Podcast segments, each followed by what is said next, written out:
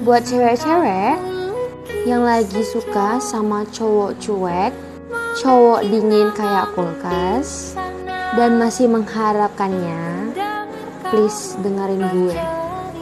Berusaha untuk nggak ngubungi dia lagi, berusaha untuk tidak stalking dia lagi, dan berusaha untuk melupakan dia.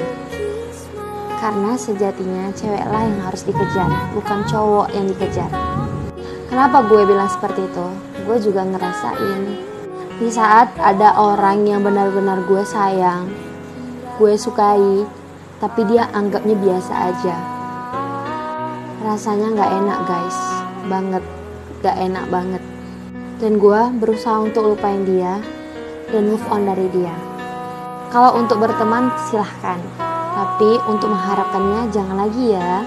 Semangat guys!